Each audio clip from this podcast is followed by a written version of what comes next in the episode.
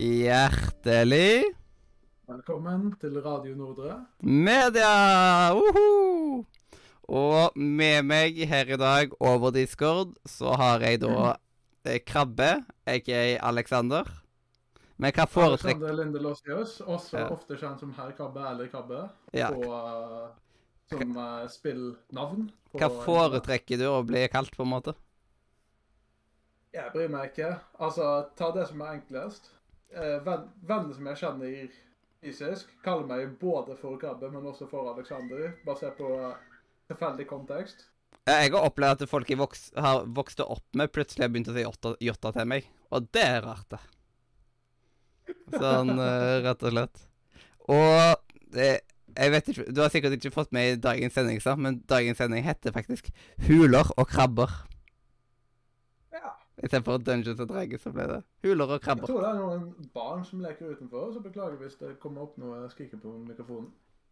Jepp. Det, det er koselig. Det må alltid være noe bråk. Det skjer Det kommer aldri uten noe. Mm. Men da kan vi hoppe inn i første spalte, som er Hva skjer? Der vi snakker om hva vi har gjort i det siste, hva vi har spilt i det siste. Og jeg, jeg trenger ikke å være så eh, veldig lang, jeg, ehm, Yes. for jeg har ikke gjort så veldig mye. Jeg føler at uh, livet mitt har vært mye av bare jobb. Laga Jeg har mest sannsynlig nå fått godkjent brannvernsfilmen til UiA, så det er jo greit at jeg liksom har fått laga ferdig den, for den har jeg jobba med i et halvt år nå. Og så ble jeg ferdig med en promoteringsfilm for et personlig trenerstudie og sånt, så det, det har vært masse sånne type greier på jobben. Og så Det blir jo litt grann av Sea of Thieves her og der, og så eh, Ja, jeg er jo en, ennå aktiv med to DND-kampanjer. To fysiske DND-kampanjer. Én En på er mandager og en på tirsdager. For meg så er det Dungeon Master på tirsdag, og jeg eh, spiller på eh, onsdag. Ja, jeg er Dungeon Master både mandag og tirsdag. Men Ja, det er jo med fysisk DND. Ah, vakkert. Ja. Eh, Det er veldig gøy å spille fysisk, selv om det er mye enklere å spille digitalt. Mm. Det er liksom når man har en gruppe man kan spille med fysisk. Det er liksom Det er ingenting som slår det. Jeg har en eh, svær DND-sekko, så det blir stadig mer og mer DND-equipment. Altså Får lov til å ta visdomsordene med en gang. Mine egne, ikke noe Ja, det, det, det er lov å komme så mange visdomsord man vil i løpet av den Eh, sendingen. OK. Den beste måten å spille Dungeons and Dragons på, er fysisk med integrert digitale verktøy. Det er for å Det, det lærte jeg av å lese et, eh, en artikkel fra en av folkene som jobber på Dungeons and Dragons Force Edition, når artikkelen var fra 2010, og jeg måtte gå på eh, det der Web Archive Time Machine for å finne den skikkelig. Ja, men um, Ja. når du sier med eh, liksom digitalt integrert, tenker du at uh, det er som Du vet sånn som de DND-bordene som har en- en, nesten en, en TV-skjerm inni seg, eller er det mer uh, i form av digitale character sheets, eller hva uh, Mobilen mobil med digital character sheet. For Dungeon Masteren så er det jo da liksom ha, ha et digitalt verktøy som ikke tar veldig stor fysisk plass, hvor de kan eh, Som sitter og gjør matematikken de trenger på monstrene. Uh, eksempel å holde styr på eh, HP og eh, hvilke debuffs monstrene har. Og en initiative tracker? Og initiative tracker, ja. Men jeg har sett liksom- noen stilige varianter der du har liksom en sånn der, en fysisk greie du bare flytter nedover. Eller at du bare liksom tar og Ja, ja, òg. brikker og sånn. Og det er så kult sånn der eh, Jeg tror det er på Etsy jeg har sett noe sånt. Etsy er mye kule DND-greier. Du har jo sett Mikkel sin uh, Tankyard. Uh, det tror jeg Det kan ikke jeg huske at jeg har sett, Mm. faktisk. Han har så skikkelig sånn old school Tankyard, liksom, i tre. Ah.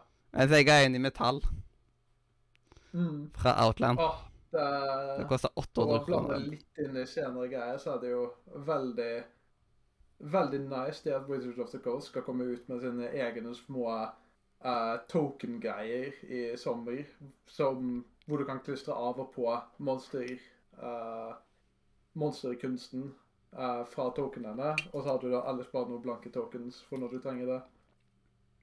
Det er utrolig praktisk. Ja, jeg har sittet og venta på det. Hadde jeg hatt det i sånn 2019 og begynt å være Dungeon Master, så hadde det vært mye enklere å spille fysisk. Eh, Han er inne som er i gruppa mi. Han har veldig mange figurer, så det er jo kjekt. Og så nå har jeg eh, fått 3D-printa opp sånne eh, tokens for å putte på figurene, som at jeg får tall på de. Jeg har noen figurer òg. Ikke mange, men det er noen. Der sitter og tenker å samle opp for eh, Samle opp over tid, og så til slutt så har jeg nok til å kunne bruke det. Mhm. det, det er en greie man må liksom rett og slett ta og samle opp. Ja. Mhm. uh, jeg tenkte på noe annet ord, men hva var det nå igjen, da? Det er liksom jeg kjenner, eh, Hjernen er bare liksom helt uh, kål i dag. Men uh, uansett, hva er det du har gjort i det siste? Uh, spilt og forskjellig sånt? Eh, skal vi se. Jeg skulle være Dungeon Master på eh, tirsdag. Hadde sittet og uh, gjort klar en uh, social combat uh, mellom spillerfraksjonen, eh, som også representerer en fraksjon dverger i kampanjen min, samt en annen lignende orientert fraksjon, hvor disse to fraksjonene ikke hadde møtt i diplomati ennå, og derfor skulle jeg finne ut av hva er forholdet deres. Men eh, to av spillerne endte opp med å eh, forsove seg. Vel, ikke forsove seg, bare sove. Den ene hadde døgnet dagen før fra universitet. Den andre hadde tatt seg en middagslur og våkna ikke opp. Ja. Eh, og Sånn, på onsdag På onsdag så spilte jeg Dungeons and Dragons, som var fra da spillersiden. og forberedte meg for en social combat. Ja. Eh, Noe jeg har tatt og begynt å gjøre Det er liksom Det er ikke veldig sånn der uh, splitta hvordan uh, Når det gjelder dette her. Men jeg har uh, noen ganger putta inn MPC-er som, skulle- eh, som er med aktivt, men MPC-ene er ca. like kraftige som de andre spillerne. Som at eh, Da får jeg være med og fighte litt, jeg òg. Fordi det er liksom sånn Jeg slåss som monstrene. Ja. Jeg slåss Og- som monstrene. Og rett og slett danne litt mer forhold til eh, karakterene, utenom at det bare liksom er en er en av 100 MPC-er, liksom. Ah. Da har man plutselig en ekstra spiller på laget og sånt. Og at det da eh, At jeg tar og pusher på liksom å få fram målespillet på den måten, da. Det vil se da om det er noe her. Jeg sitter bare og ser på listen min over uh, spalter og sånt. Nå sjekker om det er en hvor jeg bare får lov til å uh... Jo, vent, det er jo ukens rim. OK, da Ukens rim kan jeg ta senere, for nå vet jeg hva jeg skal uh, anmelde der. Jepp. Eh, det er forresten rym, det heter. Hvis ikke så blir det jo rim, og det er liksom mm, Det blir litt feil. Ja, jeg, jeg fikk ikke tilgitt uh, hvordan det staves, så jeg har ikke peiling på om det som jeg skrev, var riktig. Ja. Eh, det står RYM, så da Ja. Andre ting som jeg har gjort i det siste, det er det at uh, her om dagen så ble jeg ferdig med mitt uh, første gjennomspilling av Elden Ring etter å ha veldig mange, veldig mange innleveringer på universitetet. Så da fikk jeg endelig tid til å gjøre det. Eh, jeg kjørte et eh, strength faith build. Eh, eller ikke akkurat et bild. Jeg bare to, tenkte å, denne Tree Sentinel-rustningen her er kjempekul, den har jeg lyst på. Å, denne svære gylne halberden er kul, den har jeg lyst på. Så ble det Så ble det Strength Faith. ja. Eh, du er én av veldig, veldig mange som tar og spiller Elden Ring for tida. Selvfølgelig. Er ikke det sånn femt mest eh, Det spillet på Steam som har hatt uh, femt mest eh, concurrent players. Jo, jeg eh, tror det er sånt. Det er Ja. ganske mye, iallfall. Ja, jeg kan jo sjekke på Steam Database, men uh, det tar jo litt tid. Ja, det, det er rart hvordan enke, liksom sånn uh, I perioder der liksom alle tar og spiller ett spill, liksom. Det er jo det som er kjempegøy, da, for da blir det, da blir det også det er jo slik du får en community rundt spillet. Og eh, Ja, det er jo gøy. -hmm. Right? Kunne snakke med vennene dine om spill du spiller. Hvis du ikke kan snakke om venn... eh, Hvis du ikke kan snakke med vennene dine om spill du spiller, så er jo det ekstremt frustrerende, liksom, for du ønsker ikke å spoile det i sånn helt ekstremt god opplevelse. Ja. Eh, Og spoilers det er jo en ting som eh, har blitt mer og mer en ting eh, nå i nyere tid. I gamle dager så var det ikke så mye av spoilers. Det var ikke det et veldig kjent konsept. Jeg tror det med det at eh, betydningen av konseptet har endret seg. Men uh, ja. Ja. Men folk er jo livredde for spoilers. Det er jo Jeg mistenker at spoilers nå til dags er mer type uh, hva som helst, mens spoilers før var mer type uh, store plot twists. mm, Eller store liksom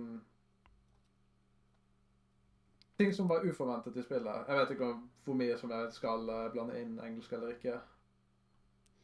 Eh, Kommer an på. Jeg har også spilt Minecraft med venner i det siste. Det, Caves and Cliffs-updaten er kjempegøy. Det Hulene du finner nå, er helt fantastiske. Det var en gang hvor meg og en venn bare tok sånn to timer for bare å gå én vei inn i en hule, liksom. Og til slutt endte vi opp i en ravin og bare svømte opp. og Da Da passer det enda bedre at denne sendinga heter 'Huler og krabber'. Er det en liten ekstra greie der, Det altså? var, det var liksom Etter landskapene vi fant under bakken, var som om du hadde tatt Mount Doom fra Lord of the Rings uh, Fra Peter Jackson, Lord of the Rings-filmene. Men puttet det under bakken i stedet for i et fjell. Det Mm. var faktisk slik. Det, vi satt og tulte med 'throw it into the fire', Frodo. Eh, og jeg skal snart begynne å spille litt mer Minecraft igjen sjøl, fordi jeg, eh, jeg er admin på en Minecraft-server som Ja, som gjør at da må jeg jo spille litt innimellom. Og da må jeg jo bare Ja. må jeg prøve den nye updaten og sånt. Den nye updaten er skikkelig gøy. Jeg tror det er bra for helsen til Minecraft at uh, hulen At hele terrenget bare har endret seg nå. Ja, så det Det er uh, de spillene som jeg har spilt i det siste, som jeg ønsker å putte vektig på. Ja. Men det er fint det å ha liksom uh, noen ting man kan ta og fokusere på av ting. Man trenger ikke si alt i detalj hva man gjør. At ja, jeg, sånn eh, i går så var jeg jo på do, og så tok jeg og lagde meg kjøttkaker i brun saus middag. Og så. Det Kjøttkaker i brun saus er ganske godt, da, eh, Kjøttkaker brun saus, kanskje ni ut av ti. Vet du hva, det kan jeg faktisk putte som en rym i framtida. Det var en god idé. Kan kalle det så burde du ta spesifikt de der veldig billige kjøttkakene som de i hvert fall selger på den lokale Rema 1000. De er kjempebillige, men de er så saftige. i brun saus. Sånn. Da skal det rymmes en gang i framtida. Siden det er så mye greier som man, eh, som man tar og rymmer. Yes, skal vi gå videre? Ja, da kan vi gå videre til den neste spalta, som heter I fokus. I fokus. Den er, som du hører, er veldig, veldig lange og kompliserte jingler. Yes. I fokus. Og i fokus, det er jo gjestens spalte, så da kan jo du starte med å introdusere deg litt sjøl, sånn at eh, de som uh, hører på, kan bli litt bedre kjent med deg. Ja. Eh, Jeg skal ta i forhold til eh, meg selv og spill, eller skal jeg ta meg selv og noe annet jeg ønsker å snakke om? Det velger du egentlig veldig sjøl. Yes, så uh. Som sagt tidligere, så heter jeg jo da Alexander Lindelossius. Um, helt siden jeg fant Minecraft i femte klasse. Jeg kan bare gå inn på nettsiden og så åpne HTML-koden og så sjekke litt uh, hva som står der mens jeg snakker i. Um, helt siden jeg fant uh, Minecraft i uh, 5. klasse, så har jeg ønska å blitt uh, spillutvikler. Og jeg sitter nå da og utforsker Nei, ikke utforsker. Jeg utdanner meg innenfor data science, selv om universitetets nettside har feil oversatt det til computer science på engelsk. Funker for min del, liksom, av det som jeg ønsker, er jo gjerne backend development på spill, siden det høres uh, gøy ut. Um, men det var jo ikke da jeg startet å spille spill. Startet å spille spill sikkert helt siden jeg var liten. Sånn på bærbare konsoller, f.eks. vanlig DS-en med Pokémon eh, Platinum. Og eh, også de der Josefine-spillene som sitter Åh. å lære deg språk og sånne ting. Ja, jeg tror alle, har vært- alle har vært innom enten Josefine eller Lek og Lær sånn siden jeg, jeg Jeg husker at jeg fikk Josefine-spillene, men jeg satt og spilte mest Aha. Lek og Lær, og da liksom både med Labbe langøre, og så var det en annen Lek og Lær som jeg ikke husker helt, og så var det en Lek og Lær andre klasse med en sånn hund, og sånn, så da lærte man seg brøk og Ja, jeg husker også at uh, vennene mine som jeg hadde på Eller noen av vennene mine som jeg hadde på det tidspunktet, hadde jo også noe lignende spill. Uh, som var da et type point and click adventure-spill hvor du måtte bruke sånne ting som du kan lære på skolen og sånt for å komme deg videre i spillet. Så det var jo Altså, i etterkant så er det ganske morsomt å tenke på, og det er veldig smart utvikling av spill. Det å lage spill for barn, for å lære ting, fordi det funker jo. Det funker. Ja, det er liksom Du trener både opp uh, Ja, all den der kunnskapen som du får ut ifra det, som du lærer deg ting uten at du tenker at du lærer deg ting. Men òg dette her eh, Det blir ikke veldig helt motorisk, vel, men liksom Hjernen din jobber jo veldig mye når du sitter og spiller òg, liksom. Og at du liksom At du Ja. holder At du den er i aktivitet hele tida, istedenfor at du bare sitter og ser på et TV-program eller noe sånt. Ja, skal vi se da. Det burde, det liksom, eh, det burde blitt brukt enda mer, liksom, siden eh, barn lærer sykt mye av spill. Ja. Sitter bare og sjekker om vi klarer å intercepte Om vi klarer å finne greien hvor det står når jeg lagde brukeren min på Mojang sine nettsider. Mojang. Der jeg sitter og tar sånn Ja, på Google Chrome så tar jeg og uh, tar sånn inspect elements, og så eh, åpner jeg opp uh, sånn developer tools på, uh, på browseren min. Så går jeg over på sånn forskjellige greier der for å sjekke om jeg klarer å finne noe når jeg reloader siden. Men jeg tror jeg er på feil tab for øyeblikket for å uh, klare å finne det. Jeg, jeg ante ikke at det var en ting at man kunne sjekke engang. Det er ting du lærer når du uh, sitter og studerer dette, vet du. Og googler. Ja, du, sånn Så på studiet ditt så lærer du deg å sjekke hvor lenge du har spilt Minecraft. Jeg uh, et av fagene som jeg tar nå, som, heter, som har et eller annet med database å gjøre i navnet sitt, så har vi også lært oss å programmere i HTML. Så det hjelper jo å vite hvordan HTML fungerer når du ønsker å sjekke ting som, som dette her. Ja, jeg, eh, jeg sånn, Hvis jeg hadde fortsatt på det studiet jeg gikk Jeg gikk bare første året. Men hvis jeg hadde fortsatt på det studiet, multimedieteknologi, så, hadde et, så hadde jeg hatt databaser i en av periodene. Database er ganske kult, selv om SQL er et uh, programmeringsspråk som ikke ser veldig fint ut når du sitter og programmerer det. Vi hadde programmering i så å si alle fagene, mm. utenom uh, matematikk. Og der had, var det jo bare masse Ja. matematikk. R-matte. Uh, en av, en av vennene mine har litt lignende. Jeg tror han er ferdig med all matematikken på studiet sitt nå, mens jeg har en linje som er mer matematikk enn det han har. Eh, skal vi se. Yes. Uh, for å fortsette på, på hva spalten handler om. Jau. Um, yes. Så da Før, før jeg fant Minecraft, så spilte jeg f.eks. Uh, byttet jeg mellom mange flashspill liksom og sånt, men også Runescape, siden uh, brødrene Å, Runescape! Det er jeg glad i. Eh, Det er der Krabbe kommer ifra. Fordi på RuneScape så hadde jeg en bruker som het uh, Herr Krabbe10.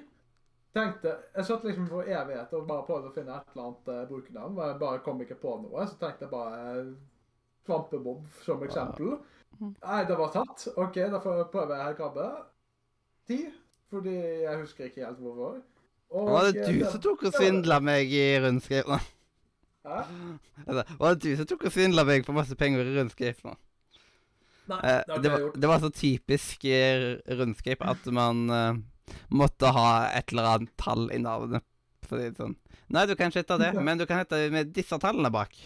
Så fikk man liksom tre varianter. Ja, vil du hete liksom Nei, det eh, gjorde ikke jeg. Det gjorde ikke jeg. Det var ikke sånn med disse tallene bak. Jeg bare skrev det inn selv. ja, Jeg husker at jeg heta Noddy585.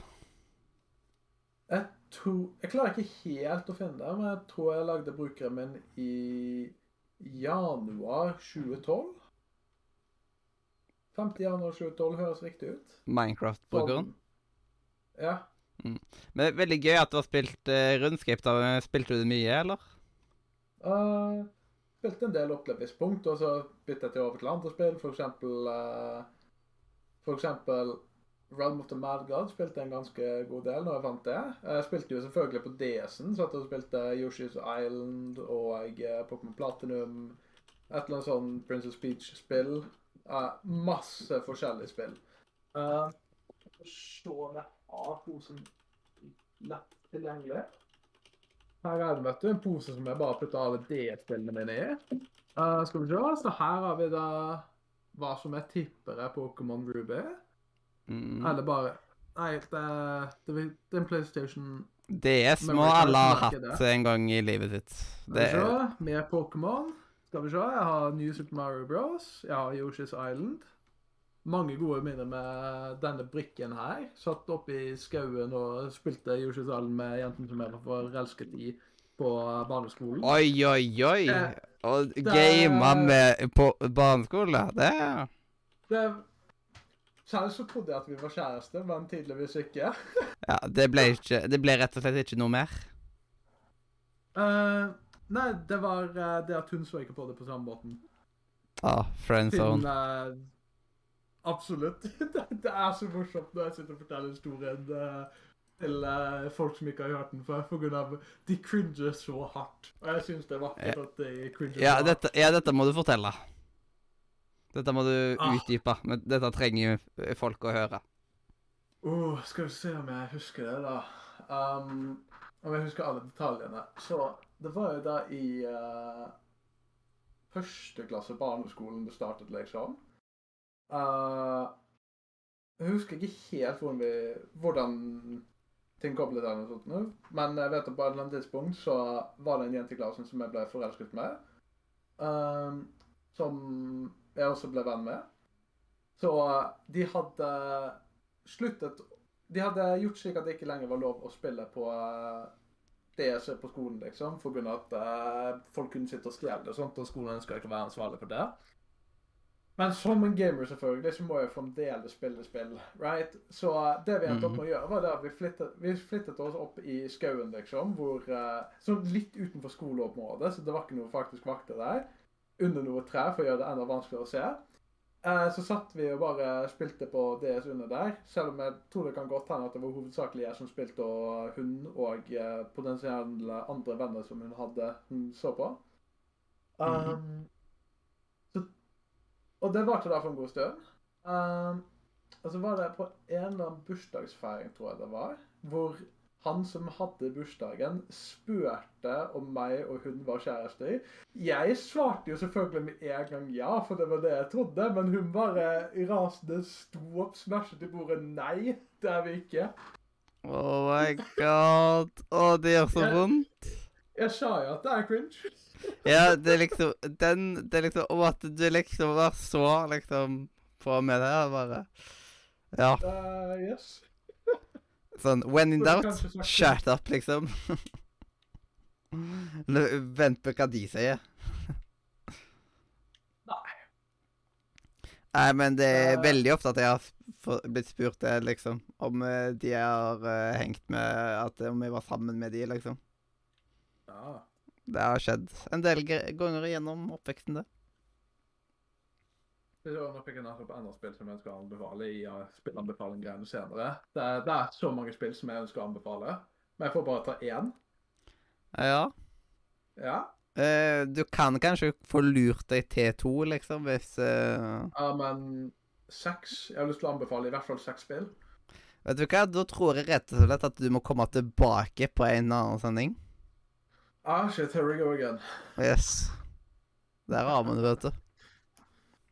Så, Um, så får du lagt det inn. skal vi se. Uh, fra hva jeg har og har klart å grave opp i arkivet sammen med en av mine beste venner som jeg møtte via Minecraft, så virker det ut som at jeg spilte Minecraft ekstremt aktivt for to år uh, på rad. Det var sånn husker jeg ikke helt hvilken oppdatering. Jeg tror det var i hvert fall etter uh, Vi spilte i hvert fall til etter Redstone-updaten, uh, som brakk en av uh, biportene som jeg hadde laget på en av mine bier. På grunn av at uh, 1.5 Minecraft-oppdateringen introduserte noe som man i den tekniske biten av communityen kaller for quasi-connectivity, som er ekstremt logisk når du vet hva det er. Når du ikke vet hva det er, så tenker du hva er galt med redstone min? Eh, det er basically det at uh, du kan aktivere en forskjellige sånn blokker når de ikke skulle blitt aktivert, ved å kunne aktivere blokkene ikke rett over, men rundt den blokken som er rett over. Og så må du så oppdatere blokken med ting ved siden av, f.eks.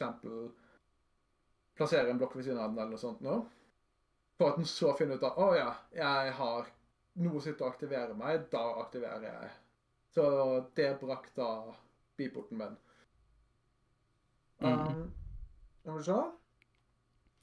Jeg spilte vel mest aktivt frem til sånn rett over 1.8.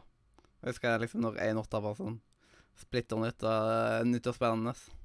Og det skal være en stor Ja, jeg tror jeg oppdatering. tror jeg sluttet å spille aktivt litt før 1.8. Uh, det kan hende at det var 1.7.2, liksom. Det er ikke relatert til combat-endringene. De liker Det var bare det at jeg hadde spilt Minecraft for en god stund. Uh, fremdeles favorittspillet mitt noensinne. Det, det blir vanskelig å flytte Minecraft fra førsteplassen.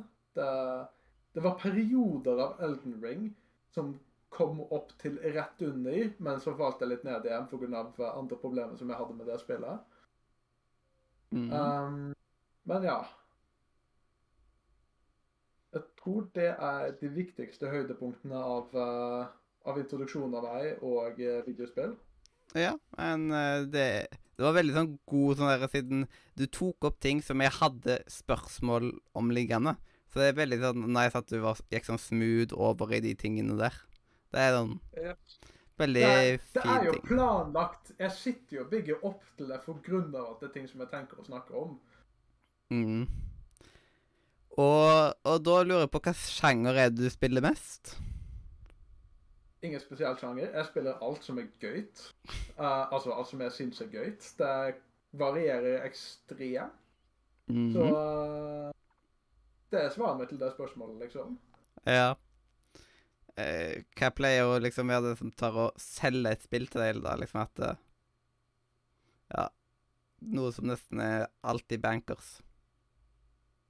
Noe som Så spør du etter en sjanger som er bare Ja, det, alltid eller en gameplay-mekanisme, eller en eller annen ting. som er at uh, har de det, så er det en ekstra stjerne i boka. For eksempel for min del så det er co-op. Det er liksom, Når de har co-op, så, liksom, så frister det enda mer, siden da kan jeg spille det med, med venner.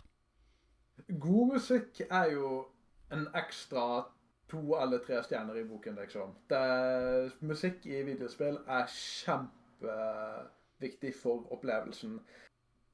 Mhm. For å komme tilbake på Minecraft igjen, har du hørt den utrolige musikken som de har lagt til i spillet i nyere tid? Det er helt fantastisk.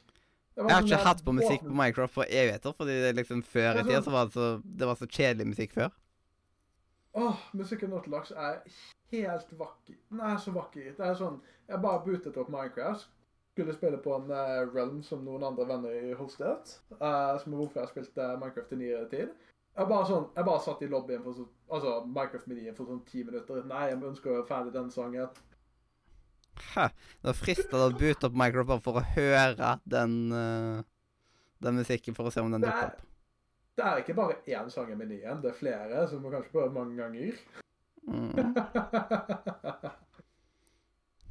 Det er um, interessant. Interessant. interessant, faktisk. Yes. Det er Jeg har ikke oppdatert Ja. Minecraft engang. Så jeg har ikke åpna de nyeste versjonene ennå. Ja, da, da har du mye å oppleve. Mye oppleve. Det er sånn Ja, jeg har satt av Jeg har satt av tid til å streame litt Minecraft uh, på tirsdag. Eller onsdag. Yes. Onsdag, tror jeg. Ja. Så da det eh, Da får jeg oppleve, oppleve det. Og så får jeg i tillegg litt hjelp fra chat. jeg føler at siste ting jeg trenger å presentere av meg selv før jeg er ferdig med, før jeg er ferdig med å presentere meg selv, er favorittfargen min er grønn, som kan bli satt i bakgrunnen hvis det er faktisk lys, slik at man kan se hvor mange forskjellige typer farger grønn det er, basert på belysningen. Ja, jeg ser at det går mye grønt hos deg. Det, det er fordi det er favorittfargen min. Det og har alltid vært det. Ja. Så det er liksom, Jeg blir bare glad av å se grønn. Så det er sånn jeg bare går ut, ser gresset og bare Ah, yes, dette er en god dag. Åh. ja eh, grønn er favorittfargen til lillebroren min nå, så da har dere to. En liten ting til felles der.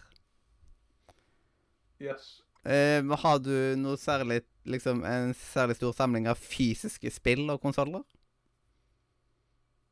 Uh, første konsollen jeg spilte Tid, gamleste konsollen som jeg spilte på, ikke første, var jo antageligvis en GameCube. Jeg husker ikke om jeg har noe gamlere enn det. Jeg husker at jeg har Åh, spilt på PlayStation 1 én gang hos en venn til broren min. Altså tidligere venn til broren min. Jeg spilte noe sånn Sly Cooper uh, 1 eller noe sånt noe der. Uh, samt uh, første møte med Assassin's Creed, selv om jeg ikke har spilt Assassin's Creed selv, så bare at han spilte det. Hadde du den ikoniske lilla GameCuben, eller hadde du en Er ikke alle GameCubes lilla da? Nei, det Jeg finnes i veldig jeg- mange forskjellige farger. Jeg tror vår var svart. Ble sånn Ja, så, siden den originale fargen var i lilla. Og så var, eh, og så var det, eh, finnes det svart, og jeg tror gull var en farge. Så liksom, det var det mange var forskjellige farger i, av GameCuber.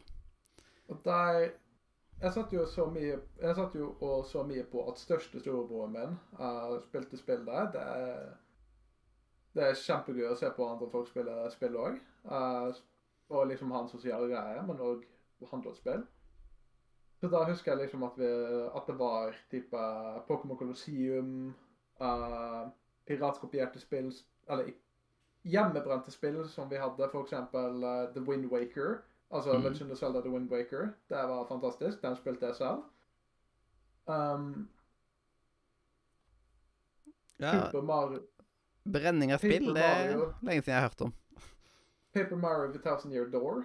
Fantastisk spill. Fremdeles beste Paper Mario-spillet. Spilte det, det, det Paper Mario-spillet har jeg faktisk eh, på GameCube. Ja. Jeg har spilt alle Paper Mario-spillene, fordi de som kom tidligere, kjøpte vi på Wien. Eller husker om vi kjøpte en piratkopierte, kanskje begge. Vi hadde sånn uh, hacket vi. Um, da, da fikk jeg spilt de, og så har jeg også i senere tid kjøpt de nyere. Selv om jeg har hoppet av Jeg hoppet av sånn med College Brash, spilte ikke den pga. de hadde ikke eh, endringene som jeg ønsket å se. Basically, jeg ønsker å komme tilbake til hvor RPG-biten er viktig, og story-biten er viktig, som det var i uh, Paper Mario 1000 Years Door. Tungen min er tørr, så derfor er det litt vanskelig å snakke. Mm -hmm. Mm. Så husker jeg også at vi hadde piratkopiert Mother 3, også kjent som Nei, vent. Earth Toeren er oversatt til Earthband på engelsk, så ja, Mother 3. Det var bra spill. Veldig unikt og innovativt. Um, mm. Det hadde vi på Via. Uh, noen flere ting på GameCube? Ah, yes. The Sims 2. Å, du, spil du spilte på GameCube og alle steder, ja. Jeg spilte Sims 2 på GameCube. Jeg har ikke Det er sånn på både Sims 3 og Sims 4 som jeg ikke har spilt. Så har jeg ikke spilt de for jeg satt og så på det. Jeg tenkte sånn Disse spillene virker ikke like inspirerte ut som The Sims 2. Sims 2 er mitt favorittspill. Generelt, liksom. Det er bra, det er bra spill å ha som favorittspill. Mm. Og det er liksom uh, Ingen av de andre Simsene klarer å leve opp til toen. Det, det er det som jeg ser når jeg ser på de andre spill, altså de andre Sims-spillene. Jeg er bare sånn, Hvorfor skal jeg spille de andre? De De er ikke De gir meg ikke samme med gnisten som Sims 2. Det var en eller annen gang på barneskolen hvor uh, det var en periode hvor meg og brødrene mine spilte ganske mye Sims 2. Hvor jeg bare sånn tenkte OK. Jeg bare gikk på vei hjem fra skolen. Jeg bare hadde et ark. Jeg er sånn Hva er alt du trenger for å leve? Så Altså, hva er alt Sims du trenger for å leve ekstremt effektivt i The Sims 2? Mm. Du trenger et alien badekar. Du trenger en telefon. Du trenger en jusmaskin, en kaffemaskin. Og så trenger du en liten veggbit med et maleri på. Mm. Jeg tror det var det jeg kom frem til. For grunn av at da kan du uh, invitere folk over med telefonen for å få, for, for venner og øke standarden din på jobben, liksom.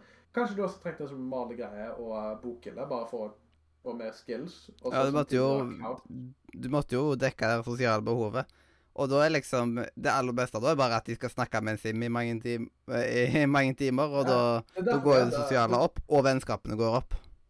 Det er derfor vi hadde Elin badekar, for da kan vi invitere folk over til party, liksom. Fire folk sitter i badekaret, øker sosiale greiene, som er krav for jobb.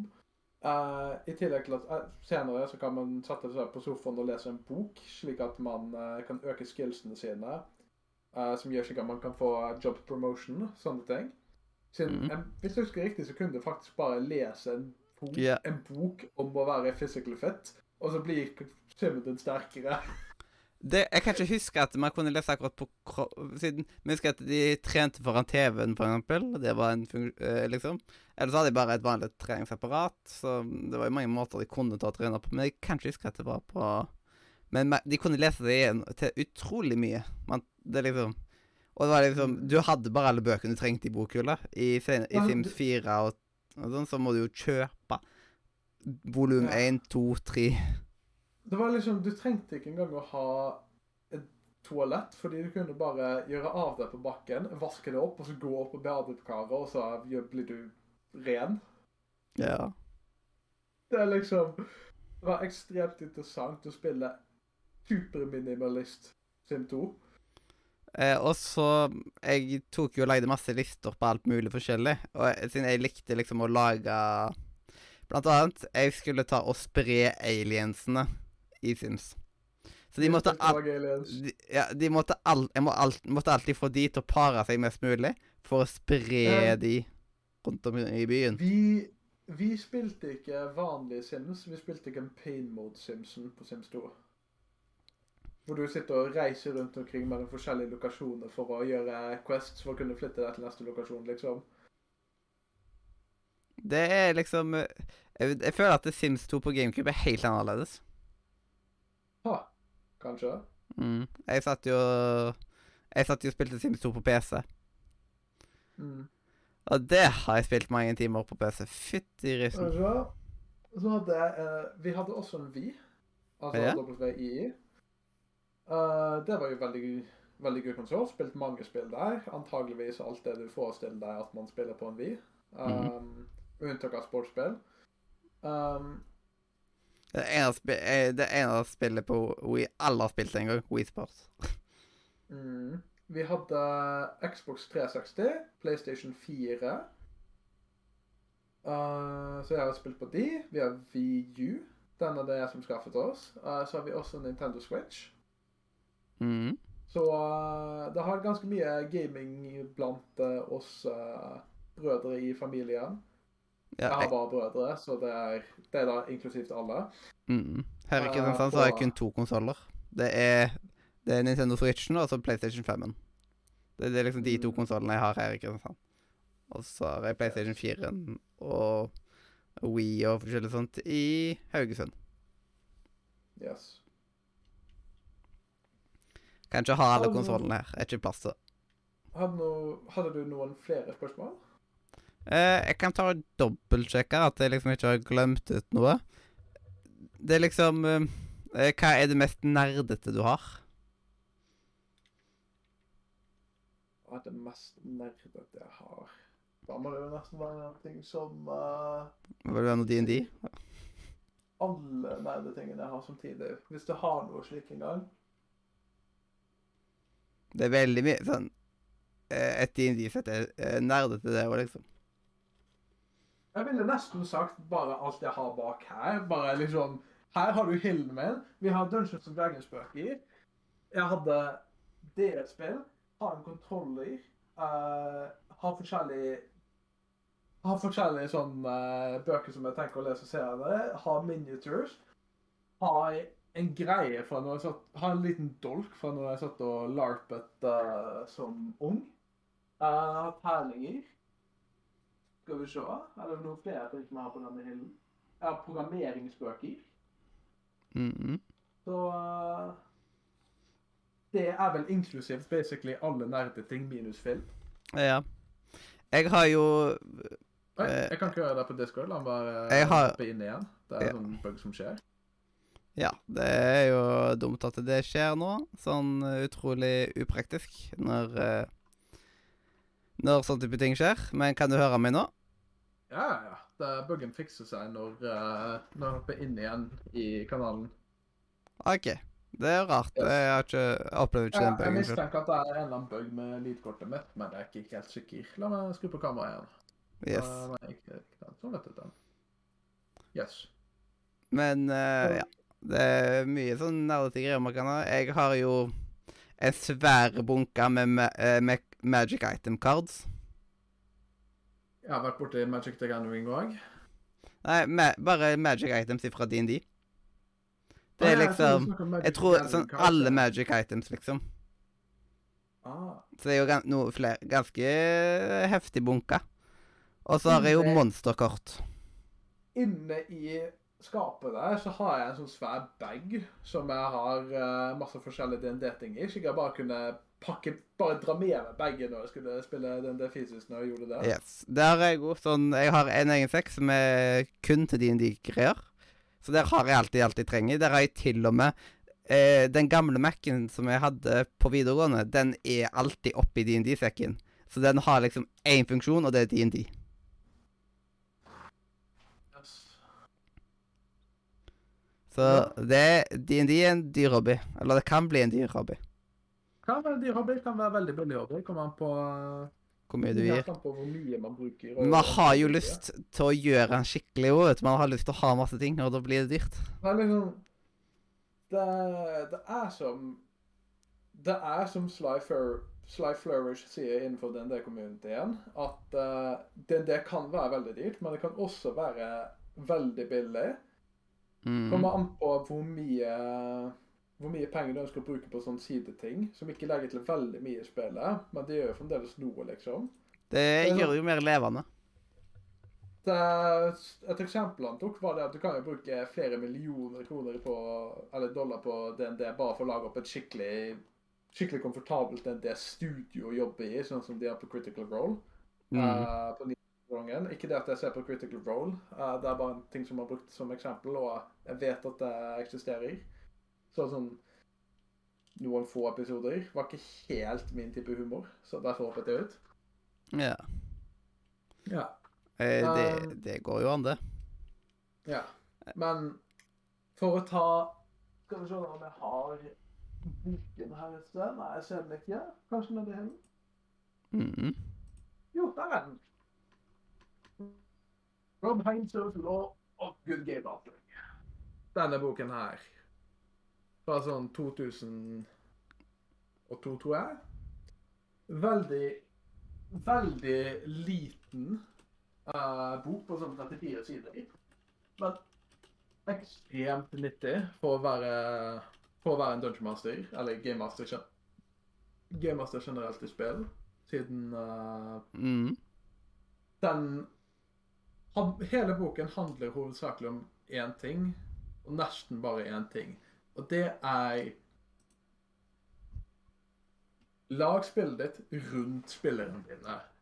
Eh, og boken handler da om hva er generelle typer spillere du kan finne. Ingen passer inn i disse kategoriene, så derfor bare miks kategoriene til det stemmer personen. Men hvis personen, ikke, hvis personen også har ting utenfor kategorien, så husk at de ikke er en kategori, men uh, de har også sin, sine egne ting som de liker. Og basert på da hva personen liker, legg til kun det som spillerne liker inn i spillene dine, hvor du selv da også er en spiller. OK. Ja, det er ekstremt god bok. Interessant. Mm. Men da kan vi jo hoppe videre til neste spalte, som er Nise. Er det lov å hente seg vann før vi går videre? Ja, det er helt lov å hente seg vann. Og Jeg da står jo det. Yes. Og da kjører jeg bare jingle. Vet. Og der var det på tide med ny informasjon innen spillelektronikk. Eller nisse. Ja, og da er det på tide med ny informasjon innenfor spillelektronikk. Spalter der vi går gjennom eh, spillnyheter som er aktuelt eh, i dag. Så da, eh, mens Krabbe er og henter vann, så kan jeg ta og finne fram Se om jeg finner noe mer enn de, to, enn de tingene som jeg allerede har tatt og forberedt meg på. For å gjøre livet litt enklere. Eh, og min favorittside for å gå på spillnyheter, det er Pressfire. Jeg vet ikke hvorfor, det er bare at jeg liker oppsettet på den sida. Og jeg husker at de måtte jo gå ut på samme måten som Level Up måtte ta og gå ut. Og da, ja. Og Summer Gamefest kommer tilbake i juni. Men er dato satt for Summer Gamefest? Showet starter torsdag 9. juni klokka 20 norsk tid. OK. OK. OK, det var digg. Det må jeg huske på. At uh, Sommer Gamefest, siden da Allerede så er det jo satt av dato til Microsoft og Bethesda, som skulle levere eh, Men skal dobbeltsjekke datoen. Datoen for Microsoft og Bethesda skulle være den 12. juni. Så det er jo innafor nesten samme uka. Da ble det plutselig veldig hektisk med å få Men nå, nå begynner det å komme, du. Det, det er god gang, stripestang. Det er veldig, veldig bra. Jeg gleder meg til å liksom ja. Siden vi vil gjerne ta og dekke det som skulle vært E3, men som ikke er E3 i år. Så får håpe på at uh, man får til å ha gullpennseremoni og forskjellig sånt. Og da blir det spill sommeren eller noe i den duren. For det blir litt feil å kalle det E3 da. Det blir ikke noe et annet bra navn som man kan ta og bruke på dette heren, da. Det er utrolig ubehagelig å snakke med seg sjøl på denne måten uten å få noe som helst form for eh, respons. Så da tar jeg og liksom prøver å overleve. Men jeg ble veldig nysgjerrig på den der PS5-funksjonen, som har vært veldig etterlengta. Liksom, det var det ut, et eller annet med uten VRR. Huh. Den kan jeg ikke lese på nå, vet du. Og, sitter du og ser på Eurogamer, eller? Nei, akkurat nå sitter jeg og ser på Pressfire. Eh, og jeg vet Pleier du å følge med på E3? Uh, ja. Det er jo en event med venner. Ja. Nå er det to datoer som kom fram nå. Summer Gamefest det kom fram for det som er 9. juni. Mens Ah, yes. Summer Game Fest i fjor var bra. Ja, det var det. Utrolig bra. Og så Eh, det var mye mer indie-greier og mye større variasjon. Det var jo kjempegøy. Og Microsoft og Bethesda de har sin den 12. juni. Mhm. Så da er liksom Det virker som at det er ca. innenfor samme uke, dette her landet, da. Det, er det, det, som er, eh, det det, blir er det er jo det som er planen. Ja, sånn, siden det er jo ikke E3 i år. Det kommer sterkere tilbake neste år. Men det virker som at, de, at, det, lig, at det ligger an til å bli litt rundt samme tida, heldigvis. For jeg det at uh, Selv så mistenker at etere, som i konferansen etere, hvor spilljournalister kommer fysisk til en lokasjon, hvor de sitter og møter PR-folkene til uh, spillselskap og sånt, nå, så jeg mistenker at det er antageligvis over, slutt, for grunn av at uh, man tjener ikke noe så særlig penger på det. Så, og at man heller flytter seg over til Summer Game Fest. Um, andre versjoner ut av det, og uh, mm. sånn direct-greier som du vet ikke er live, men filmet på forhånd. I fjor så fikk vi jo på en måte en eh, digital versjon av E3, og jeg tror det er den framtida. Ja, og de planlegger jo å ha E3 til neste år igjen. Men litt dumt at de ikke bare kunne hatt en digital versjon i år òg, liksom. Det syns jeg er litt dumt. Men uh, iallfall så blir det nok bedre enn 2020. Siden der var det liksom Det var én pressekonferanse der, og så tok det noen uker, og så kom det en ny pressekonferanse, og så tok det noen uker. Og så eh, Microsoft hadde jo fordelt sin eh, pressekonferanse over to ganger. og Det var så rotete. Og man fikk jo ikke tid til å sette seg ned og se på det da, men hvis det kommer rundt samme tid, så blir det jo nesten som å se på så Da føles det jo nesten ut sånn som E3. Bare at det ikke bare brandes som E3. Og så hadde jeg jo tatt opp eh, Jeg hadde tatt og notert meg ned noen eh, Noen eh, spillnyheter som jeg ville ta opp. Og det er blant annet Har du sett den der lik-videoen av uh, Skull and Bones? Nei, jeg vet ikke hva Skull and Bones er. Eh, Det sier jo litt eh, det- var veldig stort når det kom på E3 for en del år siden. Jeg tror vi så det på E3 i 2018 eller noe sånt, liksom. Og så har vi ikke hørt en dritt etterpå det. Det sa jo at det skulle komme rundt og da, og så bare Det kom aldri. Og nå kom det skikkelig svær trailer som jeg liker. Ah, ja, Det det virker som at den er ekte. Det ser ut som at det er Det skikkelige er, greier. eh, afrikanske kysten uh, piratgreiene. Ja. Så det er jo litt interessant at de liksom har eh, At det, at det ennå lever. Vi har Det egentlig Selvfølgelig det er med spill. Men vi har. Ja, men vi tenkte at det var dødt å begrave, siden det liksom Man så en trailer med Med sjøkamp og alt mulig sånt, og så hørte man ingenting mer etterpå det. De tok ikke nevnte det i det hele tatt. Og så så mange der etterpå, så tok jeg det opp. Hvis dette kommer, få inn investorer til å tjene mer penger, liksom. Um, bruk penger på å utvikle spillet. Det tar lang tid. På Mhm. grunn av Ting som skjer hvis du gir ut konstante nyheter, er at du får eh, Hva heter det spillet? Et eller annet uh, Steel Division eller noe sånt. Nei. Ikke, ikke Steel Division Normandy, men et eller annet sånt. mm. Det der Urban Warfare-spillet i USA etter at noe sånn Det- samfunnskollaps. Fallout? Nei, ikke, ikke Fallout. Fallout er jo atomkrig, men sånn Ja. Og jeg husker, jeg husker ikke hva det skjer.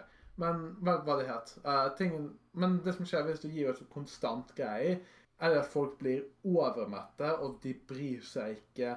Og det er mye verre enn om at uh, du sier at dette kommer, uh, og så venter du, liksom. Produktet begynner å bli klart, og så sier du 'her er det'. right? Det samme med Elden Ring. Folk bare sånn hvor, 'Hvor blir det av Elden Ring?' Hvor blir det av Elden Ring? Så fikk de høre noe om Elden Ring, og uh, hypen gikk jo utover kameraet. Ja. Eh, vi har hatt ganske lange diskusjoner ang- angående Skull and Bones i løpet av årene på eh, Radio Nordmedia. Det, liksom, det har vært på en måte det spillet vi har snakka om, om nesten siden starten. Siden det, liksom, det har vært der så lenge. Så det er litt sånn komisk at det plutselig en dag, hvis det kom ut Bare at eh, jeg ble jo hypa på Skull and Bones før jeg hadde begynt å spille Sea of Thieves. Og så begynte jeg å spille Sea of Thieves, og da var jeg ikke hypa på Skull and Bones lenger. Og nå er liksom Nå er det sånn delvis, men jeg er litt usikker på grunn av at det er Ubisoft. Og Ubisoft har jeg litt delte meninger om. De har en tendens til å ha litt Ja, bug i som spillene. Det er liksom Det er ikke de som burde gitt ut Skull Bamse, burde vært noen andre. Er det tre selskaper som Er det tre spillselskaper som Hvor jeg ikke liker business-siden av selskapene, så er det Electronic Arts, Ja. Eh, Ubisoft og Nintendo. Ja, altså Nintendo, de er jo i sin egen liga. På, på godt og vondt. Ja, jeg liker ikke business-siden av Nintendo. Jeg liker spillskaping-siden av Nintendo. Ja. Ja. Og eh, apropos uh, ja, Nintendo-univers og alt dette her. Pokémon Go hjelper på mental helse. Forresten, er bare- dette Er vi under opptak nå, eller ikke? Det, vi er under opptak, ja. Yes, måtte bare vite, for jeg kom jo tilbake fra å hente vann, og så bare vent, har vi pause nå eller ikke? Mm. Men det er en engelsk studie En engelsk studie viser at eh, de hadde De som hadde tilgang til Pokémon Go før de, som, før de andre, de tok i den perioden og søkte mindre på sånn angst og depresjon og sånt. Så tydeligvis så hjalp det mot sånne type ting. Så det er jo litt er interessant. Og da, da virker det som at et sånt lokasjonsspill kan være en slags terapi for enkelte.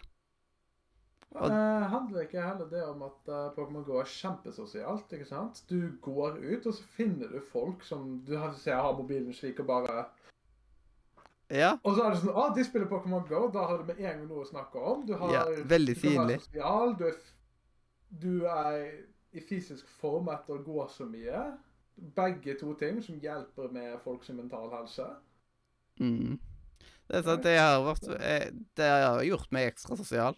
Og det er liksom, jeg starta med Pokémon GO igjen på nytt fordi det var en så sosial Det var en sosial ting på folkehøyskolen. Det var de Ja. som fikk etter Jeg mista egentlig brukeren min av at det, de kan jo ikke lage skikkelige brukere på Pokémon GO. Uh, Ja, jeg hadde ikke Jeg hadde ikke en uh, smartphone på første Første sommeren Pokémon GO var ute, så jeg fikk ikke spilt det da. Ja, siden det kom jo der sommeren 2016. Men det var, det var liksom Det kom så seint, på en måte. Siden i juli så kom det ut i en del steder i verden. Men vi hadde ikke Pokémon GO i Norge. I juli. I, I juli så husker jeg at jeg satt med APK Pokémon GO. Og liksom ja. spilte Pokémon GO på den måten. Og så kunne vi spille eh, litt mer skikkelig i august-september, siden da fikk vi det til Norge offisielt. Og da var det jo liksom spredd rundt i alle gatene, og liksom man gikk Jeg gikk i mange timer i byen og sånt. Men den brukeren endte opp med å miste, og da gadd jeg ikke mer Pokémon GO. Men jeg var bare i level 18 eller et eller annet sånt når jeg mista brukeren. Og så ble jeg overtalt til å skaffe meg eh, ny bruker på folkehøyskolen. Og den brukeren er jeg i dag level eh, 40 i. Det er høyere enn det jeg er. Ja, det var, 40 var jo den gamle level capen, så det var liksom mitt mål. Det var, eh, mitt mål var å komme til level 40 og få alle førstegenerasjonen. Begge de målene er nådd. Ja. Så det er liksom da, da har jeg ikke så stort behov for å få mye mer, på en måte. Det er liksom Jeg har Ja. liksom det viktigste behovet dekka. Er liksom Ja. Men uh, Er det noen andre spillsaker? Eh, hvis du kommer på noe, så er det bare til å skrike ut. Jeg eh, Jeg har ikke fått lest opp så veldig mange andre ting utenom det jeg har tatt opp til nå. Så hvis ikke du har noen, så kan vi egentlig gå Øy, Jo, eller vi kan jo bare ta nevne sånn her i forbifarten. At uh, It Takes Two blir, um, blir en Amazon-film. Ah, det, var det var Amazon som endte opp med å få den dealen her. Jeg fikk med meg at det skulle bli en ting, men jeg visste ikke helt hvem som skulle ende opp med å begynne å lage det. Altså, Det blir interessant hvordan det kommer til å gå. Jeg, ikke, jeg har ikke store forhåpninger til spillet. eh, Eller spillefilmen. Spillefilmen. Ja, du skjønner hva jeg mener. Ja.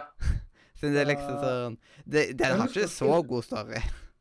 Sånn, jeg har lyst til å spille It Takes Two, men eh, jeg har ikke spilt det. Så, Da, de, de bør ikke ta utgangspunkt i spillet sin story, da. De bør bare ta utgangspunkt i universet eller et eller annet sånt. da. jeg har ingen meninger om dette her. Det er faktisk ingen, av at jeg er ikke en av de som sitter og produserer det, og jeg har ikke spilt spillet. Så eh, Anbefaler deg å sjekke det ut. Et fantastisk jeg spill. til, jeg har veldig lyst til å spille det, men da trenger jeg at en venn kommer og inviterer meg til å spille det, eller at jeg får kjøpt spillet, og så inviterer en venn som ikke har spilt det. En eller andre. Mm. Jeg jeg tok og spilte det sammen med Simen, og det ble Game of the Year fra Radio Nord Media. Så det Ja. Det er et fantastisk spill. Uh, det kom vel ut uh, i 2021, ikke sant? Ja, det kom, det kom ut i fjor, ja. Er favorittspillet mitt uh, fra samme året, altså som i mitt Game of the Year, der var kortspillet som heter Inscription. Og jeg kan Jeg kan ikke si hvorfor, for alt jeg sier om det spillet, er spoilers. Ja, jeg har, men jeg har hørt folk snakke litt om det. Der, eh, det er litt creepy-aktig kortspillet og forskjellig sånt. Veldig god Alt du kan vite, er at det har veldig effektiv bruk av atmosfære og leaderverktøy. Alt mer enn det er jo spoilers, så jeg ønsker ikke å si mer. Ja, men man trenger ikke å gå så veldig mye mer Ja. inn på det, så Det går, eh, det går fint. Eh, Splatoon 3 har fått dato. Og Yes. kommer i september. Jeg er hypet for Vent. Og du er faktisk en av de som er hypa på, på Ja, jeg er Splatoon. skikkelig happy på det. er sånn, Splatoon 1 var kjempegøy. Spilte det veldig mye på VU1. Splatoon 2 spilte jeg også veldig mye mens det, Nintendo uh, Switchen fremdeles hadde gratis online service under nettverkstestene. Og så sluttet de med det, og da, så, da stoppet jeg å spille Splatoon. Uh, mm. Og så nå er det da Splatoon 3. Og jeg, jeg har også en venn i DND-gruppen min på tirsdager som også er veldig interessert i Splatoon, så det blir gøy å spille sammen med folk der. Ja. Og så blir Super Mario-filmen utsatt til neste år. Det bryr jeg meg egentlig ikke så veldig mye om, men Ja. Mm. Eh, Da er det iallfall tatt og nevnt. Så da tenker jeg at vi kan gå videre til neste spalte. Siste, siste nyheten for i dag, som er spesifikt for denne ene dagen hvor vi sitter og anmelder det, er at det er Return of the Fifth. Nei, Revenge of the Fifth. Ja. Det er jo May the Fourth be with you, og så er det Revenge of the Fifth. Yes. yes. Men eh. Ja. Og så den 2. mai så var det jo Harry Potter-dagen. Eh, og det er liksom? Det er fordi det markerer slaget ved Galtvort. Det var den 2. Ah. mai. OK. Det visste jeg ikke. Mm. Så det Det er en ting man må, ta, ta liksom Få ut til folket. 1. mai, arbeidernes dag. 2. mai, Harry Potter. Hva er 3. mai? 4. mai, Star Wars. 5. mai, Star Wars. 17. mai er 17. mai. Eh, Du, og 15. mai er jubileet til Nordre Media. Og den 15. mai i år så blir Nordre Media ti år. Det er gammelt. Ja. Veldig gammelt. Det, er- det er liksom da Det er liksom, Jeg husker at jeg tok og så på det som lenge til, og så bare Shit, nå er det ti år. Og bare Oi, shit, jeg begynner å bli gammel.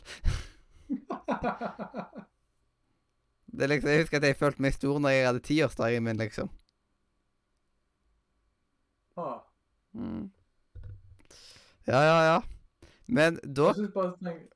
Ja. Så, så føler jeg fremdeles at jeg er ganske ung, liksom. Bare 20 år gammel, liksom. Ja. Det er sånn Men nå har jeg ikke akkurat noe mentalt konsept av hva, hvor jeg er gammel. Det har jeg ikke. Jeg har ikke en slik barriere. Ja, når, når liksom du begynner å få uh, veldig mye sånne helseplager av alder, så kan du begynne å kalle deg gammel.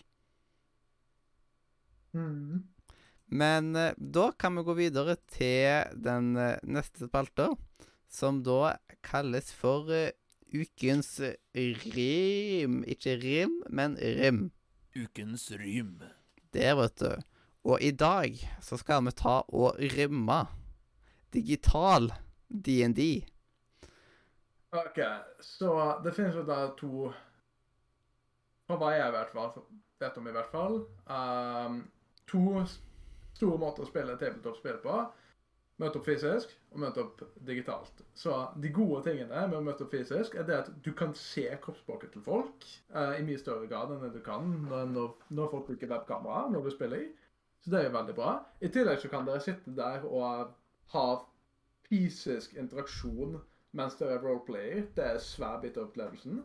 Men samtidig, digital, digital DND Det er så mye enklere for en gamemaster å kjøre det i et eh, system Det er DND, så det er jo masse regler. Så da får jeg lov til å si Det er mye enklere for en dungeon master å kjøre digital DND i det at de digitale verktøyene avlaster så mye fokus, slik at du kan putte mer fokus på spillerne og mer fokus på, på hva som skjer og hva de holder på med. Um, det finnes jo også da flere plattformer som er ganske populære for å spille den der på.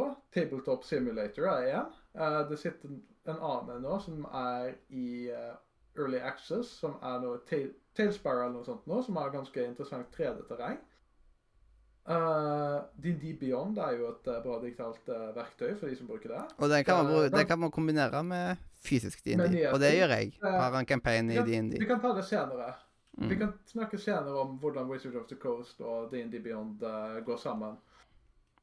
Um, uh, det fins Roll20, som er på en måte gateway-drugen til eh, digital tabletop-greier, av at det er gratis.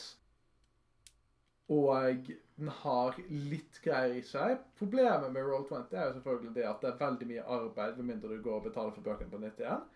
Så har du eh, Foundry, tror jeg den heter. Jeg har ikke rørt borti det kjempemye, men den har ganske imponerende lease-settinger for de som ønsker å bruke Fog of War og lys ganske, ganske aktivt i spillene sine. Og så har du hva som er for øyeblikket min favoritt. Fantasy Grounds Unity. For Fantasy Grounds, men for øyeblikket er det Unity, for du har Unity og Class Classical. uh, hvor Unity er den nye versjonen, og Classical er ikke lenger, uh, ikke lenger programmert på. På grunn av Fantasy Ground har så mye customizability inni seg når du sitter og er en dungeon master, som er hva jeg ser på meg selv hovedsakelig. Altså, jeg er begge, men det er måten sitter og gjør ting enda mer automatisk enn det Roll20 gjør selv med bøkene, er så behagelig. Jeg har sittet og spilt litt uh, den Fourth Edition for noen tester på Fantasy Ground for å sjekke er dette noe jeg er interessert i. Etter å finne ressursene som jeg trengte rundt omkring på internett. Etter mange, mange timers arbeid med å finne det. Mhm. Og det, det gikk så smooth når jeg, satt, når jeg fikk lært meg programmet. Det trenger bare å klikke på ting, og så skjer det med en gang. Eh, det kan du jo bare gjøre på Roll20 men, òg, men det, er- det er vanskelig å beskrive hva forskjellen er når jeg ikke har vært på Fantasy Ground i det siste. Yes. Uh, så der har vel Der har man vel uh, forskjell mellom digital og uh, fysisk DND, hvis du spør meg. Mm. Og i Og- Ukens rom så skal man på en måte gi det en score og sånt, siden egentlig så skal man ha en ett minutters eh, anmeldelse av den tingen. Så Det ble, det ble ikke jeg på da. Ja. Er det lov å gi sånn tullescore, for eksempel 6 ut av 10? Nei? Okay. Du, du kan gi alltid fra én av ti til ti av ti. Så ja, da ok. Ja, og da velger du sjøl hva du vil sammenligne det med, og hvor du, hvordan du setter skalaen. Jeg tror jeg putter digital DND på en uh, ganske god åtte ut av ti. Eh, siden det har, det har ting det mangler. Men så gjør den også det mye enklere for en gruppe å komme sammen etter at de splitter opp for, over større avstander. I tillegg til at det tar mindre tid for de som har uh, barnesorten og, og eh, kjærester. Så tar også digital DND mindre tid fordi du ikke trenger å reise så lenge. Ja, var- det er sant. Det var det. Sjøl så er jo jeg mye større fan av fysisk DND, og ifølge en sånn her undersøkelse noen tok og gjorde, så var det liksom ni av ti foretrekker fysisk DND, og det er jo veldig forståelig. Så liksom det, det skal være Det er få ting som skal klare å slå det, liksom. Men Det er en eh, fantastisk opplevelse. at, det, det, at det går an å spille D&D digitalt, er jo liksom en veldig sånn stor bonus. Og det er jo dette her med at du får en fin avlastning at, for dette her og sånt. Jeg føler bare at eh, digital D&D blir enda litt lettere meta, for å sitter og ser på en skjerm og alt mulig sånt, så Ja. Sånn, jeg elsker D&D, men eh, digital D&D det er liksom, jeg klarer ikke å leve opp til liksom så fantastisk som eh, fysisk D&D er, så jeg må legge meg på en fem av ti. Det er derfor jeg tar opp åtte ut av ti, for grunn av at eh, ti ut av ti er fysisk er med, digital, med gode digitale verktøy. Ja. Det er ti ut av ti igjen. Jepp. Og da endte vi opp på en 6,5 av 10. Og da kom det eh, Og da fikk det samme score som det å lage mat. Mat er ikke en 6,5 ut av 10. Mat er mye mer enn det. Og så å lage mat. Ikke spise mat, bare lage Ja, mat. men å lage mat av krydring. Men Og så det, det fikk det òg samme eh, samme score som dikt. OK. Ja. Bare sånn veldig random. Det er veldig komisk hvordan man tar og sammenligner alt mulig med, mot hverandre i ettertid. Men det var ukens rom. En av de lengre ukens rommene vi har hatt. Sånn eh, Med veldig god, veldig god resonnering og sånn, så da fikk man liksom fram Du fikk fram det positive i, en, uh, i Ja. digital DND, så det er veldig viktig å få fram det òg. Og da kan vi jo bare ta og hoppe videre til spillmuren. Og jeg lurer på, sitter du og ser på streamen nå på discorden?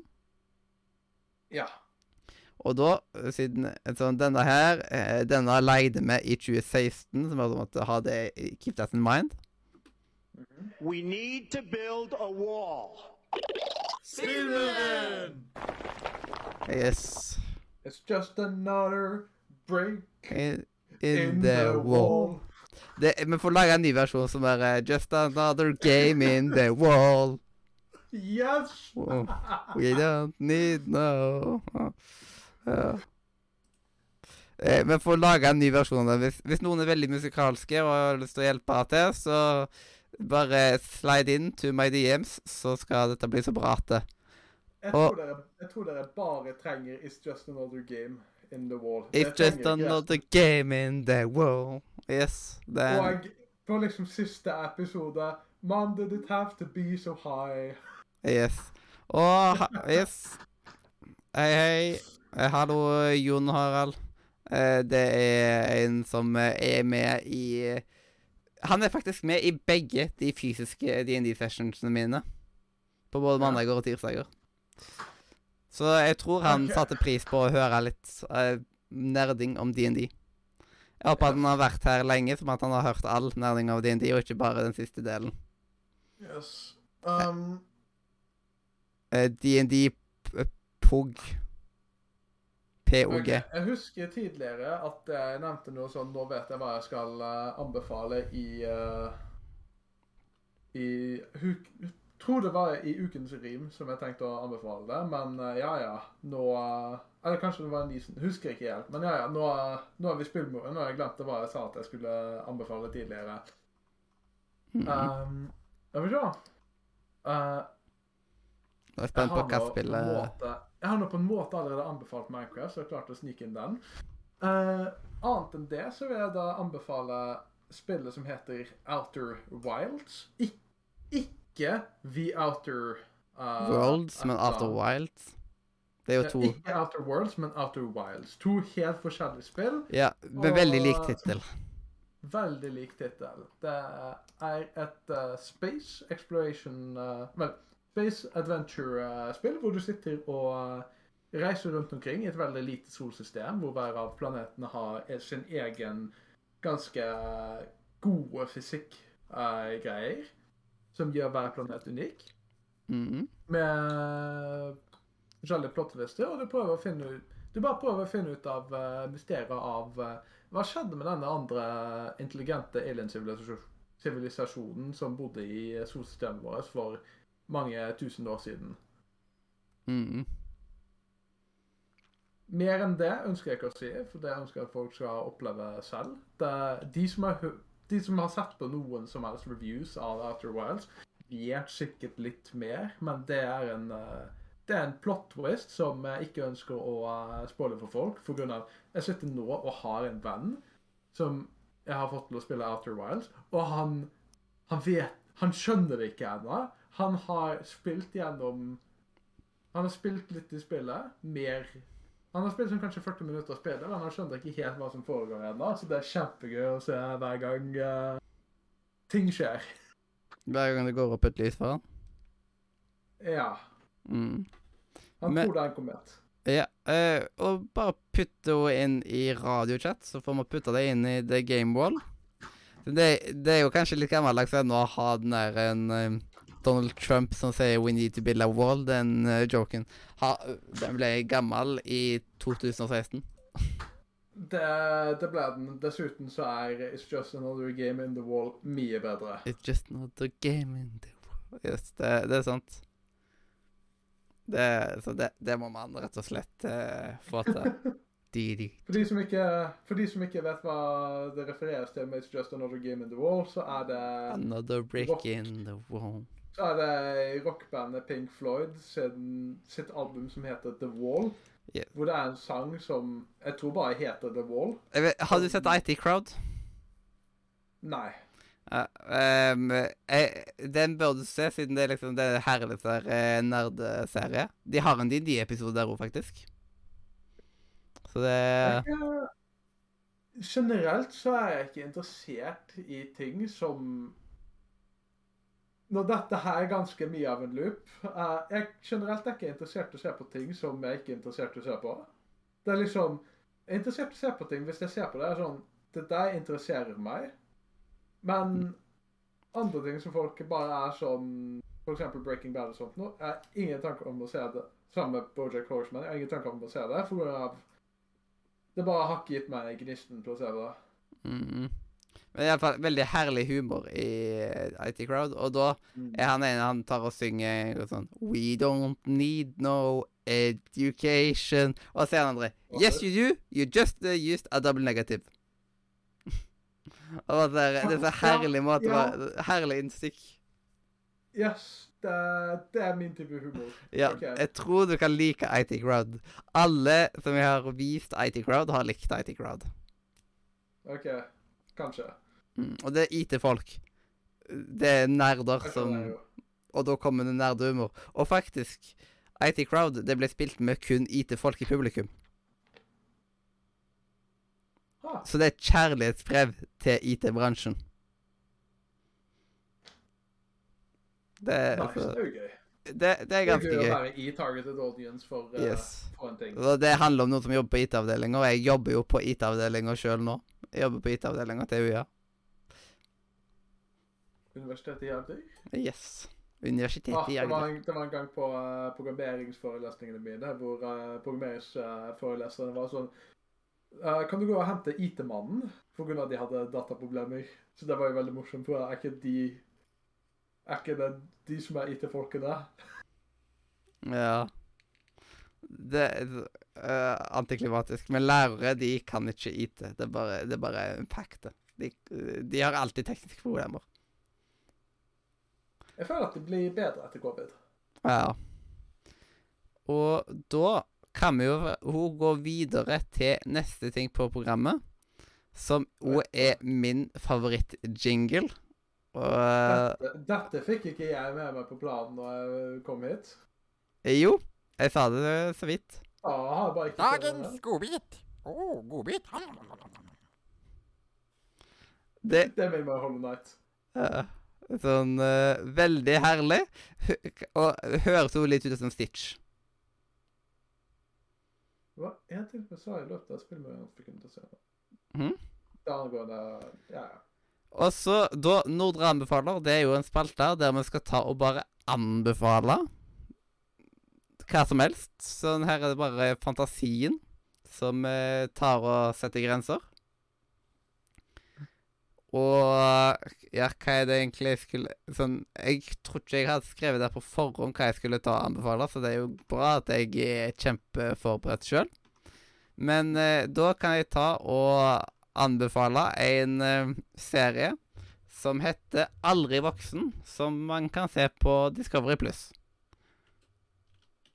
Eh, jeg var er veldig glad i karaktergallerier og sånt som er der. Så det er da min anbefaling. En, li- en herlig liten serie som nettopp fikk ny sesong. Og jeg gleder meg til hver episode. Så den er litt aktuell nå. Jeg tror det var i løpet av ukens rim, eh, eller rim, eh, så nevnte jeg at det var noe som jeg ønsker å komme tilbake senere, og det var jo eh, nyheten om Wizard of the Coast og Dungeons and Dragons Beyond, som slår seg sammen. Så uh, dette, det virker som at dette her skjer på sånn ca. 18. 18. mai, at dette skjer. Oh, wow. Um, ja. Så uh, Wizard of the Coast kommer til å, som er eid av Hasbro, uh, kommer til å kjøpe opp D&D Beyond. Um, antageligvis for å få folkene som jobber for D&D Beyond, uh, for sitt, uh, to, for sitt 2024 uh, Hva er ordene du brukte på det? For det, det, det er den det som skjer i 2024. Um, The latest evolution of Dungeons and Dragons, tror jeg det var. Eller slik. Hm. Som tider veldig sterkt ut til å være Som tider veldig sterkt ut til å være en reprint av uh, core rulesene, som da er Dungeon Masters Guide, Players Handbook og The Monster Manual. Uh, samt også muligens en offisiell digital plattform for å spille Dungeons Dragons på. Uh, basert på jobbgreier som de har uh, Basert på stillinger som de har lyst ut på f.eks. Twitter og sånt nå. Uh, som har vært veldig mye digital kompetanse. Så ja. Yes. Jeg, jeg måtte jo få han ene i DND-gruppa mi til å komme seg Liksom konvertere over til DND Beyond. Så han prøvde først med noe annet, så, men så Det gikk opp for han at eh, ja, det var DND Beyond han måtte ha karakteren sin i. Rett og Jeg har noe som selv føler jeg at det er bedre for DD Beyond, og det er noe Det er to apper på mobilen. Skal vi se det. Uh, dette her er da på uh, iPhone, uh, så IOS, eh, hvor jeg har disse appsene. De heter DND Spells 5E og 5th Edition Character Sheet. De koster mindre enn 50 kroner hver av det. Men de har alle spiller-options uh, eh, du trenger. Så én en ut av de har alle spillene for Mm. alle bøkene. Den andre ut av de har uh, en digital character sheet med alle spiller-options fra alle bøkene. Ja. Ja. Eh, han tok og hadde prøvd seg på en annen app som han hadde kjøpt for 80 kroner, eller et eller annet sånt. Og det var det mye knot med, og derfor tok han ikke over til DND Beyond.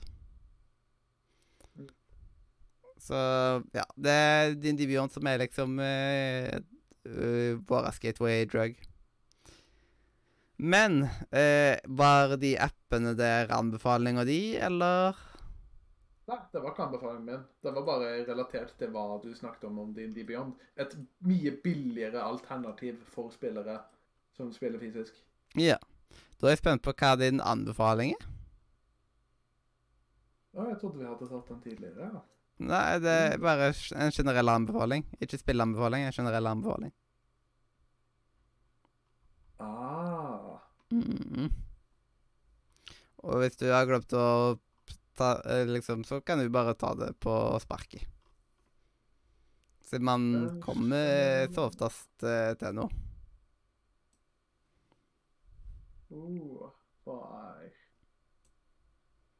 Hva Mm. er en generell anbefaling jeg har? Vi kan ta det som uh, min anbefaling. Det, det er jo mer eller mindre det det var. Ja, hvis du har lyst til å bare ta og skrive det inn på eh, discorden, så får jeg plotta det inn etter sending. Det Eh, ja. Jeg mener det kan godt hende at de finnes på Android òg, men under andre navn. Ja, det, ple det pleier så oftest å være sånn. Uh, D&D Spells 5E og Fifth Edition Character Sheet. Mm. Yo, yo, yo, yo. Lik, lik logoen til appene ser ut, i hvert fall på IOS Jeg tror appsene ser litt annerledes ut på Android, er at den som handler om DD Spells, er den røde med fjæren på. Og Ja. character sheeten er den mørkegrønne terningen, som er ganske uklar på kameraet. Ja. Ja. Good to know. The good to know. Eh, og da er vi ferdig med denne spalta her, vet du. Og da begynner vi å nærme oss eh, slutten. Det var rett og slett uh, Husk at jeg tok og sendte deg. Jeg sendte deg to ting, Ja, og hvis det er den første av de to tinga Ja, ja, ja. Det vet jeg. Mhm. Jepp, så da kan du bare ta, dagen, ta dagens visdomsord. Jeg tenker at jeg boikotter dagens visdomsord og bytter det til uh, behandle andre slik du behandler deg selv. Kan du ta det som jeg sendte opp, Vær så snill. Ja, OK. Jeg kan godt ta OK, så visdomsordene for i dag er uh, tydeligvis Sounds like a lot of work. I think I'll pass. I'd rather play and I'll ask for help when I get stuck. Mhm. Ja. Så da Det er da et visdomsord å ta med seg videre inn i livet. Det der selve livet.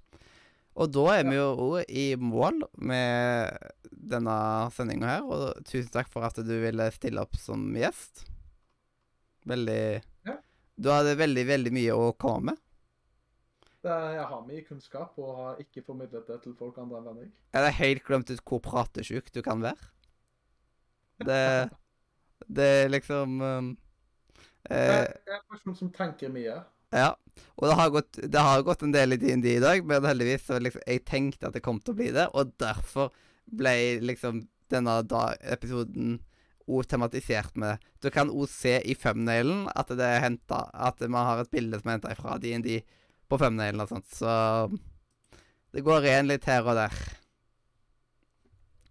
Yes.